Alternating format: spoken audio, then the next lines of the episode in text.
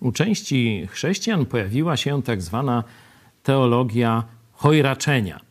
Czyli no, tu my na przykład mówimy, że jest ogromne niebezpieczeństwo, że Chiny zaatakowały świat bronią biologiczną, że trzeba być ostrożny, trzeba stosować dystans, maseczki, różne takie inne rzeczy, zawiesić pewne spotkania, a część chrześcijan mówi: Nie, my mamy Ducha Świętego, my mamy odważnie tu z piersią na barykady, żaden wirus nam nie zrobi krzywdy. No, taką odmianą katolicką jest to, że tam ani woda święcona, ani ręce księdza nie przeniosą koronawirusa, ale głupota jest ta sama, czy ze środowisk protestanckich, czy z katolickich.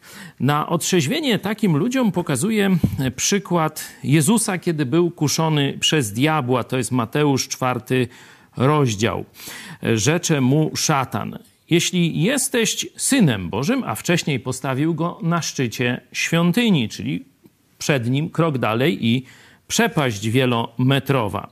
Jeśli jesteś synem Bożym, rzuć się w dół, napisano bowiem, aniołom swoim przykaże o tobie, abyś nie zranił o kamień nogi swojej.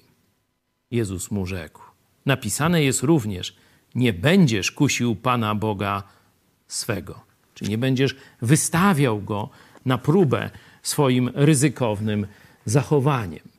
Czyli sam Jezus odrzucił tego rodzaju teologię chojraczenia. Wiecie już skąd ona pochodzi? Z samego piekła. A Salomon w księdze przypowieści wielokrotnie mówił: Przezorny, widząc niebezpieczeństwo, ukrywa się, lecz prostaczkowie idą naprzód i ponoszą szkodę.